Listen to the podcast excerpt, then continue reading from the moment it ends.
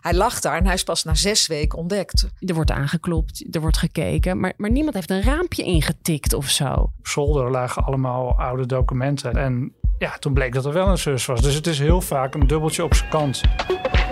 Wat als je overlijdt en er is niemand die je mist? Of als er op je uitvaart niemand komt opdagen? Voor sommige Amsterdammers is het de droevige realiteit. Hoe kan dat? Wat zegt het over het leven van deze mensen? En hoe neemt de stad afscheid van inwoners die eenzaam sterven? In Amsterdam Wereldstad, een podcast van het Parool, bespreken we een Amsterdams fenomeen en geven we antwoord op de vraag: hoe zit dat eigenlijk? Mijn naam is Lorianne van Gelder. Fijn dat je weer luistert. Welkom terug bij Amsterdam Wereldstad. En we hebben het deze week over een wat beladen onderwerp. Elk jaar zijn er Amsterdammers die weken, soms zelfs maanden dood in hun huis liggen voordat ze gevonden worden. En er zijn mensen waarbij er niemand op de uitvaart komt. Hoe dat kan, bespreek ik vandaag met Hanneloes Pen, verslaggever bij het Parool. Fijn dat je er bent, Hanneloes. Dank je. En Joris van Kasteren, coördinator van de Eenzame Uitvaart in Amsterdam. Welkom. Dankjewel. Fijn dat je er ook uh, bij bent. Maar Hanneloes, om eerst even met jou te beginnen. Na je dood wekenlang in huis liggen zonder dat iemand je mist, dat, dat klinkt als ieders nachtmerrie. Maar het gebeurt wel vaker dan we denken, toch? Ja, er zijn verschillende categorieën. Met er één keer per jaar komt het voor dat iemand uh, langer dan uh, een half jaar dood in zijn huis ligt hè, en niet gevonden is. We hebben het over Amsterdam. We hebben het over Amsterdam, ja. ja.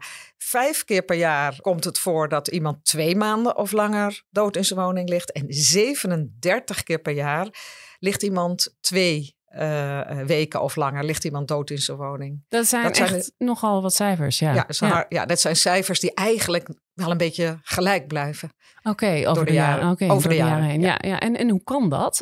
dat je zo lang in een huis ligt zonder ja, dat je wordt opgemerkt? Uh, ja, dat kan uh, omdat in veel gevallen zijn het mensen die zelf, het zijn vaak oudere mannen tussen de 60 en 84 jaar. Vaak hebben ze, uh, wo ze wonen alleen. Vaak hebben ze of psychische problemen of verslavingsproblemen. Hè. Dat kan alcohol zijn of drugs, maar ook bijvoorbeeld hoorders hè, die de spullen verzamelen in hun woning. En ja, ze houden niet zo van contact. En dan, kijk, de huur en het gas, dat wordt heel vaak bij uh, deze mensen automatisch afgeschreven. Dus daar, daar wordt het niet ontdekt. Maar datzelfde geldt ook uh, voor gas en licht. En ja, als ze dan ook weinig contact hebben met buren, met, uh, met dus dan familie. ben je eigenlijk al aan Einzelganger, dan ben je al heel eenzaam en dan, dan sterf je alleen in je huis. En dan wordt dat dus ook nog eens niet opgemerkt. Je schreef laatst over een, een persoon in de Comeniastraat, of we hadden daar een artikel over uh, in het Parool. Wat, wat, daar met hem gebeurd? Ja, dat was een uh, man van rond de 70, schatten de buren. Hij had Asperger. Hij wilde ook geen contact, ook niet met zijn familie. Dus hij was ook alleen. Buren hadden wel contact met hem, belden af en toe aan, moeten we een boodschapje voor je doen. En zagen hem wel één keer per maand met zijn boodschappenkarretje lopen. Op een gegeven moment uh, zagen ze hem niet meer en die bleek toen een natuurlijke dood te zijn gestorven. Hij lag daar en hij is pas na zes weken ontdekt. Dus na zes weken hadden mensen pas door dat er iemand ontbrak eigenlijk. Ja, iemand ja. op de galerij die rook een bepaalde geur. Toen kwam de, werd de bestrijdingsdienst ingeschakeld. Ze dachten misschien uh, ligt er een dood dier binnen. De, de bestrijdingsdienst kwam daar naartoe en die roken het. Die zeiden nee, dat is geen, dit is geen dier. En toen zijn ze erachter gekomen. Kijk, je mag ook niet zomaar in iemands woning binnentreden. Dat is het grote probleem. Ja. Je, het, het is, in de grondwet staat dat, dat het een recht is op ieders uh, onschendbaarheid van ieders woning. Dus je mag niet zomaar naar binnen. Nee, in het meest extreme geval daarvan heb jij een, een tijd geleden beschreven van een meneer die heette David Wierenkoe. Die lag zelfs drie jaar in zijn ja, appartement ja. dood. Ja, dat klopt. En de buren hebben vele malen aan de bel getrokken. Hij leefde ook op zichzelf, had ook problemen uh, met zijn gezondheid. Hij, de buren trokken dus aan de bel. De politie is langsgekomen. Um, de, de, de, brievenbus zat overvol. Ze hebben de woningbouwvereniging gebeld. Ze hebben heel veel uh, verschillende instanties gebeld. Om het door te geven. We zien de buurman al heel lang niet meer. Maar ook daar kun je gewoon niet zomaar naar binnen. Ja, krankzinnig. Drie, drie jaar, dat is echt ontzettend Dat is heel lang. Ja, ja. Kijk, je hebt ook toestemming nodig van de officier van justitie om binnen te gaan. Maar het geval daar was dat de woning verbouwd moest worden. Er was een heel blok, het was in Zuidoost, een heel blok woningen moest verbouwd worden. Hij deed maar niet open. werd briefjes op de deur gehangen, deed weer niet open. En op een gegeven moment eh, kon toen met, eh, met, met, met toestemming van de officier van justitie kon de aannemer naar binnen. En nou ja, toen is hij gevonden. Ja, en hoe dit allemaal zover komt, daar hebben we het zo meteen nog wel over. Maar ge- gebeurt dit nou in Amsterdam vaker dan op andere plekken in, in Nederland? Nou, dat weet ik. ken de cijfers niet buiten Amsterdam. Maar het is natuurlijk wel zo dat Amsterdam kunnen mensen heel anoniem leven. En als je dan in zo'n portiekgalerij woont, zoals deze laatste meneer die gevonden is in de Comeniusstraat, ben je, leef je toch wat anoniemer. Dus ik denk, vermoed dat het toch in Amsterdam vaker voorkomt, of in grote steden in ieder geval, dan in een dorp. Ja, ja. En als dus zo iemand gevonden wordt, eh, eenzaam gestorven, dan eh, komen ze eigenlijk bij jou uit, eh, Joris. Want het, in ieder geval, het kan zijn dat jij een belletje krijgt. Want jij bent schrijver en columnist, maar werkt ook bij de eenzame uitvaart. Kun, kun je uitleggen wat jullie precies doen? Ja, dat is door mijn voorganger hier opgericht, Frank Starik. Die dacht, eh, die hoorde ook van deze afschuwelijke misstand. En hij stelde toen bij de gemeente voor om ja, de kunst zeg maar in te schakelen eh, op zo'n moment. Dus er is toen een, heeft hij een groep dichters geformeerd. Hij was zelf ook dichter en hij Ja, dacht en van dit, dit, dit, dit is gewoon een on, onwaardig, onmenselijke manier om, om, te en, sterven. en tegelijkertijd ook, er wordt altijd beschuldigd natuurlijk van de kunst doet niks. En dat is ook zo, en dat vind ik ook goed. De kunst mag voor mij heel nutteloos zijn. Maar in dit geval werkt het natuurlijk heel mooi samen.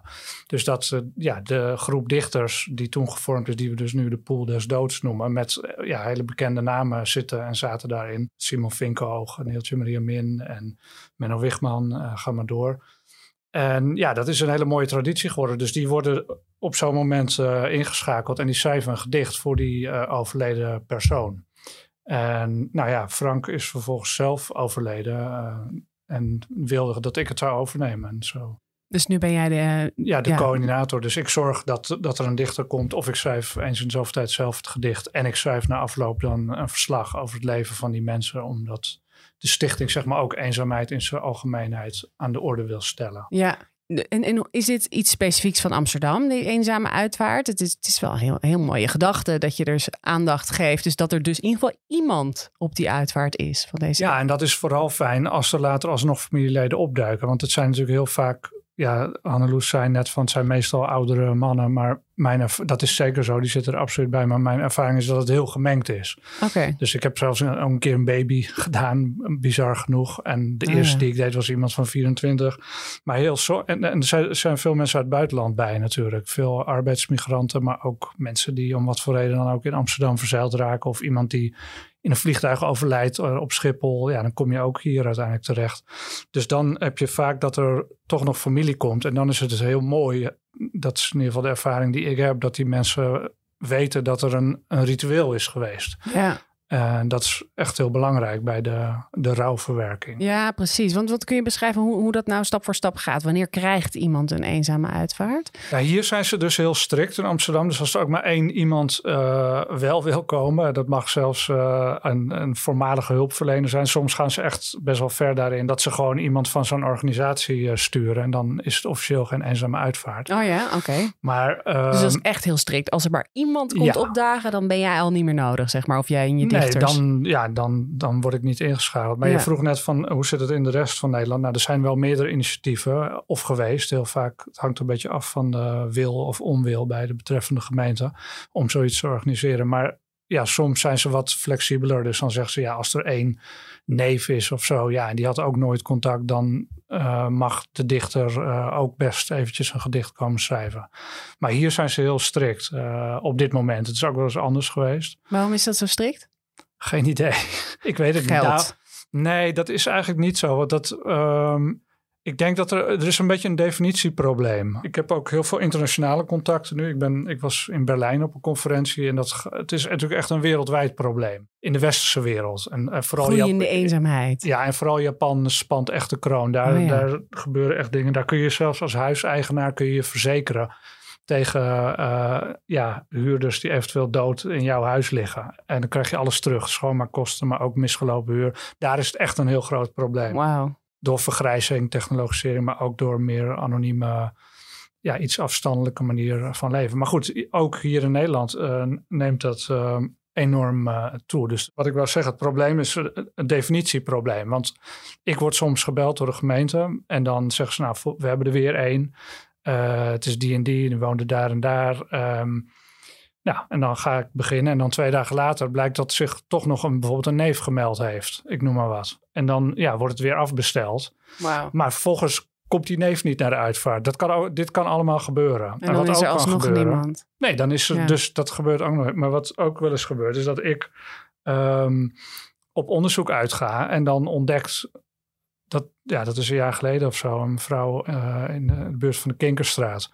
Die bleek wel een zus te hebben, maar die stond niet in de basisadministratie om een of andere reden. En ik ontdekte dat omdat er op zolder lagen allemaal oude documenten. En die had een buurman daar weggehaald. En ja, toen bleek dat er wel een zus was. Dus het is heel vaak een dubbeltje op zijn kant, wil ik maar zeggen. Ja, ja. Dus of het nou... En hoe vaak mag je dan wel komen opdraven per jaar? Of wanneer... Nou, het is gemiddeld iets van 15 keer. Dit jaar, na de zomer, is het echt heel rustig nu. Dat verbaast me ook. Ik okay. weet niet uh, hoe dat... Maar ja, het zegt natuurlijk niet heel veel over eenzaamheid. Het, iemand kan uh, bij wijze van spreken, zoals die meneer in de Comeniusstraat. Ik was toen toevallig bij uh, team Uitvaart uh, op, toen die melding kwam. Toen dacht ik ook, dit zou er wel eens een kunnen zijn. Maar daar is toch familie of een van die buren misschien geweest naar de uitvaart. Hij had een nicht in Turkije. Oh, die is oh, gekomen. Ja, ja, dat herinner ik me. Ja, en want... de buren zijn gekomen en nog drie familieleden en een of andere dominee was er nog bij. Nou ja, zie je, dus dan is het absoluut geen eenzame uitvaart. Maar... Dus hij was tijdens zijn leven eenzaam, maar geen eenzame nou ja, uitvaart. Daarom. Dus mensen vragen heel vaak aan mij hoeveel eenzame uitvaarten zijn er per jaar, want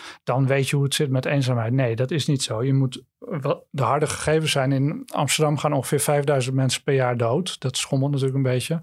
En uh, 500 van die uh, gevallen, dus dat is 1 op de 10, moet de gemeente in actie komen omdat iemand anders de dood niet oppakt. Wow, um, dat is echt zoals, veel. Ja, zoals in, die, in dat geval met die man.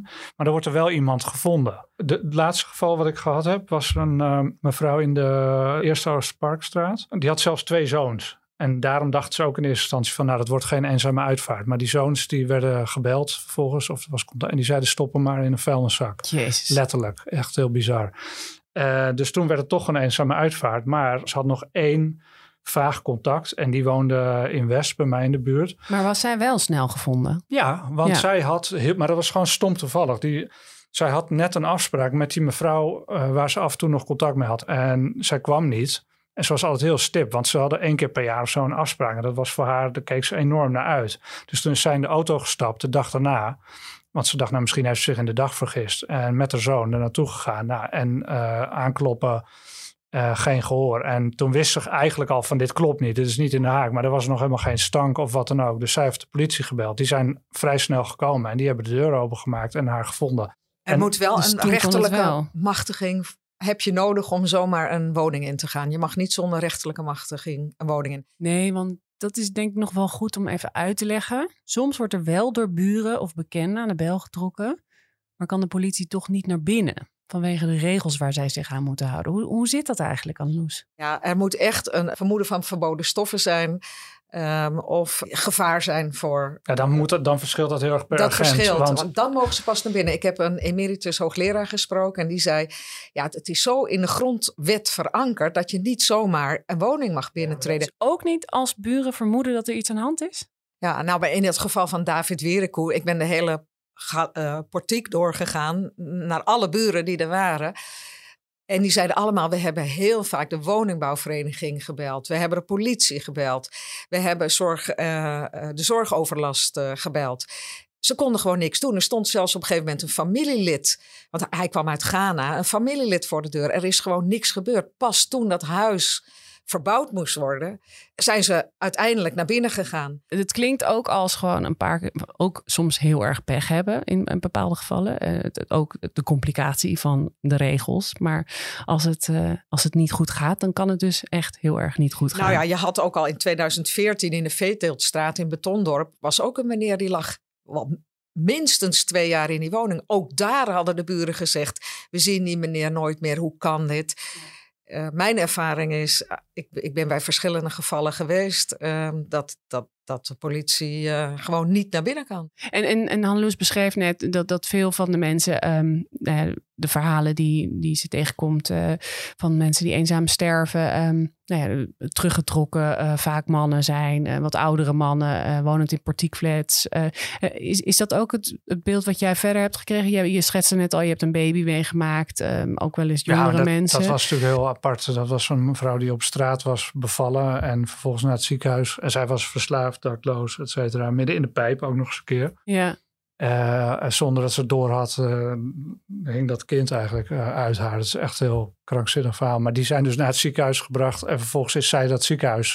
ja, maar dat is ook iemand die verslaafd is. Zijn het ook wel eens mensen die, die ja, wel nog midden in de maatschappij ja, ja, ja, zeker. Ja, nee, ik wil ook niet suggereren dat het altijd mensen met, met problemen zijn. Want er zijn zoveel gevallen bij geweest van ja, bijvoorbeeld een wat mij nu te binnen schiet was een mevrouw die had haar hele leven bij Deltaloid gewoon gewerkt. Echt uh, hoog opgeleid en verdiende goed. En die woonde in, in Buitenveldert in een eigen ja, vrij dure woning.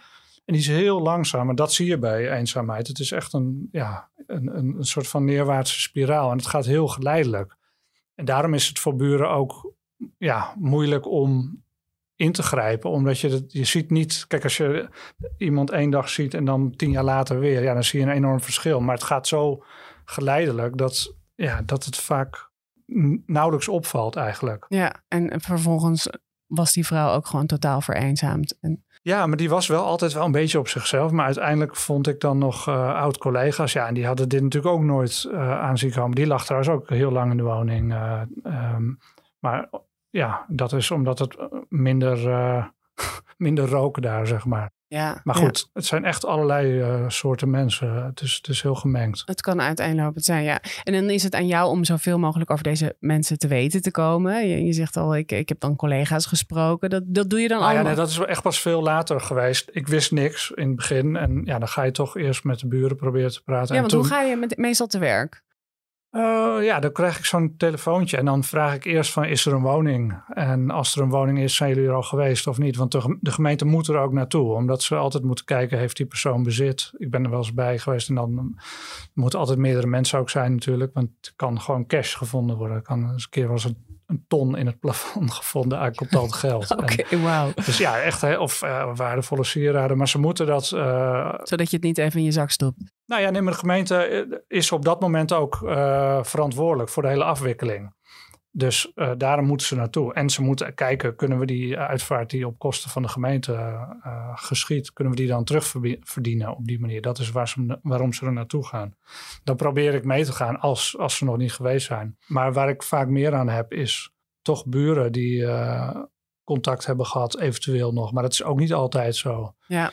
Ik had ook wel eens iemand die had een, een, illegale huurder in huis, in een bejaardenwoning notabene. Die, oh, ja? die mevrouw, die was heel oud, een oude Ghanese mevrouw. En die verhuurde het onder aan een Poolse man. Die vrouw lag dood in dat kamertje en hij ja, twijfelde wel een beetje, maar hij durfde dat kamertje er niet in te gaan, omdat het een hele oude vrouw was. En hij dacht van ja, schrikt ze als ik ineens naast de bed sta. En toen heeft uh, hij het ook niet gemeld? Nee, na drie dagen, hij zag dat ze, ze deelde notabene ook de badkamer. Dus toen zag hij wel dat ze de tandenborstel niet meer gebruikte en dat de handdoek niet gebruikt werd. Dus hij dacht van ja, het is niet helemaal goed. Maar ja, het was heel warm en er stond een ventilator hard aan. En hij moest elke dag naar Schiphol, waar hij werkte. Dus hij moest heel vroeg op en ging heel stilletjes om haar niet wakker te maken. Maar ja, een gegeven moment dacht hij, ja, moet ik nou doen? Want als ik het kamertje inga, hij wist wel dat ze in dat bed lag, dan schrikt ze. En dan, daar krijgt ze Maar, maar kunnen we dan stellen dat er ook misschien, ja, misschien toch iets van terughoudendheid of schroom of, of, of beperking van regels? Uh, want want uh, Hanneloes, ik herken ook wel aan dat verhaal van David Wieriko een beetje wat jij nu schetst over die pool. Van ja, er wordt aangeklopt, er wordt gekeken, maar, maar niemand heeft een raampje ingetikt of zo heb ik ook gevraagd aan de politie. Van, hadden jullie niet een beetje buiten de wet om kunnen gaan? Even een raampje intikken. Of dat, uh, hè, misschien schiet er net een uh, jongen uh, per ongeluk een bal tegen het raam. Dan kan je, kan je toch naar binnen. Ja, daar, daar beginnen zij niet aan. En, en soms worden er in de stad ook lichamen gevonden, gevonden van mensen die uiteindelijk helemaal niet geïdentificeerd worden. Ja, dat heb ik dat heel regelmatig. Ja. ja. En wat gebeurt er dan? En, nou ja, die worden op een gegeven moment toch vrijgegeven. Uh, dan wordt er natuurlijk wel DNA afgenomen. Um, Maar dan, uh, ja, die gaan ze natuurlijk niet jarenlang bewaren tot er een keer iemand komt in, de, in het mortuarium. Dus die worden dan begraven. Die worden wel altijd bovenop begraven, want op Sint-Barbara, dat zijn algemene graven. Dus je ligt, ben je weer terug in de portiekwoning eigenlijk. Met z'n drieën lig je uh, op elkaar. Weer in een flat. En als jij onderop ligt, dan, of in het midden, dan kun je niet eens meer, uh, de, ja, na tien jaar wel, want dan wordt het geruimd. En dan kun je alsnog herbegraven of gecremeerd worden. Maar je mag niet grafrust van degene die boven je ligt verstoren. Maar een anoniem iemand wordt altijd bovenop begraven. En de laatste keer dat ik zo iemand had, was, bleek een man uit België uiteindelijk te zijn. En dat was wel heel mooi uiteindelijk, omdat hij toch uh, uiteindelijk gemist werd in België en uh, geïdentificeerd. En die is toen alsnog gecremeerd. Okay. Dus, maar dat gebeurt natuurlijk vaak. En daar hou je extra rekening mee dat er nog familie kan komen. En wat zeg je dan bij die eenzame uitvaart? Want dan weet je helemaal niet wie het is. Nou, er zijn al, deze man was in het water gevonden. Dus dan ga ik praten met degene. Dat was toevallig iemand van de rederij die had hem gevonden. Nou, die had dan een heel verhaal. En ik heb toen wat meer geschreven over het hele technische proces. Dus dan, maar achteraf heb ik dat verhaal nog natuurlijk kunnen aanpassen. Omdat ik toen een heel goed beeld uh, kreeg van hem. Waar worden die mensen eigenlijk begraven, jongens? Uh, op Sint Barbara, bijna altijd. En het is wel eens in het verleden ook nog uh, op een van de andere begraafplaatsen. Maar ja, in principe op Sint Barbara. Ja, en jij was ook onlangs, of een tijdje terug, las ik in een Amsterdams mortuarium. Um, ja. ja. En dat steeds meer lichamen daar binnenkomen. Ja. Dat sluit aan op, uh, op uh, wat Hanneloes uh, beschreven heeft en waarom we hier zitten. Want dat, ik wilde juist ook laten zien dat het niet alleen gaat om die mensen die bij mij terechtkomen, maar juist om het feit dat er steeds meer mensen dat, dat is eigenlijk echt het geval. Dus, in rottende toestand. Ja, ik wilde eigenlijk mijn zin afmaken, maar iemand steeds meer lichamen in, in ontbindende ja. toestand binnenkomen. Ja. Want het hun beroep is om het zo mooi mogelijk te maken. En dat ja. maakt hun niet uit. Die mortuarium-medewerkers ja, doen dat. Of, of de mensen, ja, de, in dit geval mortuarium-medewerkers bij, uh, bij de VU. Om dat zo mooi mogelijk te doen, ongeacht of er nou nog nabestaanden zijn of niet. Want dat weten zij op dat moment ook niet. Maar ja, als het iemand is die ontbonden is, dan kun je er niks meer mee. En ja. dat is de laatste jaren enorm uh, toegenomen. Dus die man. Ja, ja en daar komen de verhalen van Hanneloes van onopgemerkte doden en jouw eenzame uitvaart echt heel direct bij elkaar. Ja. Maar, maar als jij zo met eenzaamheid bezig bent, wat zegt het over de, de manier waarop we samenleven in de stad? Dat, dat jij een mortuarium-medewerker spreekt die zegt: er komen steeds meer nou, dat is, het is heel ironisch. En het is, het is, uh, er zijn meer communicatiemogelijkheden dan ooit nu. Dus je zou denken, iedereen kan met elkaar verbonden zijn. Nou, we zijn alleen maar verbonden met een klein groepje en met je eigen bubbel. En omdat je zo in die, in die technologie uh, zit en zo wordt opgeslokt door Instagram en alles, kijk je letterlijk gewoon minder om je heen. Mm. En uh, de neiging om gewoon een gesprek te maken, een, een, een praatje te maken met de buren is al veel kleiner. Vroeger moest je gewoon om te overleven, bij wijze van spreken, naar buiten. Je moest bijna fysiek contact maken met mensen, gewoon om, om je brood te halen. Of om, en nu kun je alles bestellen. Je hoeft de deur niet meer uit. Dus het is technisch ook mogelijk om te vereenzamen. Ja, en je kunt ook zeggen van, oh wat heerlijk, anonimiteit. Ja, dat is ook veel privacy. Ja, ja, dat zijn ook de twee dingen waar het om gaat. En privacy is ook belangrijk. Uh, maar ja, dit zijn, dit is het andere uiterste. Ja, ja, precies. En, en Anneloes, jij wordt dan geconfronteerd met dit soort dramatische verhalen. Um, ja, is er nog iets hoopvols over te zeggen um, als je vermoedt dat iemand in deze situatie zit, uh, in eenzaamheid? Of uh, ja, heb je ja. wat, wat hoopvolle, warme woorden? Nou, de, ik sprak de buurvrouw van die meneer uit de Comeniusstraat vanmorgen even hoe dat uh, was gegaan en hoe dat is ontdekt. En zij zei van, ja, wij, wij deden best wel af en toe een boodschapje voor hem. Of we klopten even aan. We zagen hem één keer per maand wel uh, met zijn boodschappenkarretje rondlopen. Dan had hij net boodschappen gedaan. En uh, toen dat verhaal naar buiten kwam, toen kregen zij kritiek over zich heen. Van, ah, wat zijn dit nou voor buren? Eh, hè, die helemaal niet naar hun, naar hun eigen buurman omkijken. Dat, dat stak haar heel erg, want zij was juist iemand die dat wel deed. Wat ze nu hebben gedaan na zijn dood. Ze, zij is zelf ook naar de begrafenis gegaan, die buurvrouw. En wat, wat zij nu hebben gedaan, er zijn meer woningen op die galerij en daarboven, waar mensen alleen wonen. Dus alleenstaande vrouwen, uh, voornamelijk, maar ook een paar alleenstaande mannen. En ze hebben met elkaar appcontact.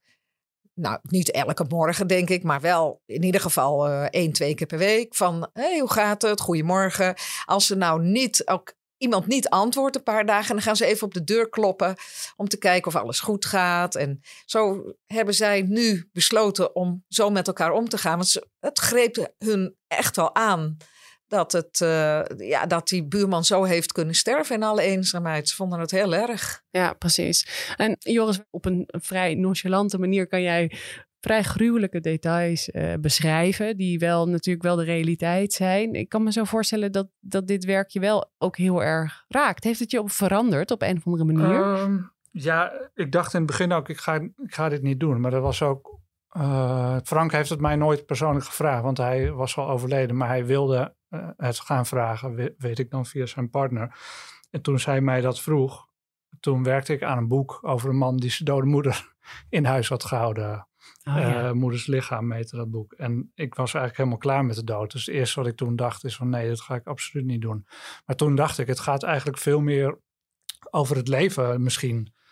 Kijk, dat einde is heel gruwelijk. Maar ik probeer juist het leven van die mensen Ehm, ja, terug te vinden. En, en omdat het misschien onbelangrijk is of omdat ze ongezien zijn, uh, wil ik ze toch tonen aan de wereld als het ware. En dan vier je eigenlijk veel meer het leven dan de dood. Dus dat, en als een verhaal goed lukt, is dat ook uh, therapeutisch. Ja. ik vind het juist mooi om een verhaal over iemand die eenzaam is gestorven.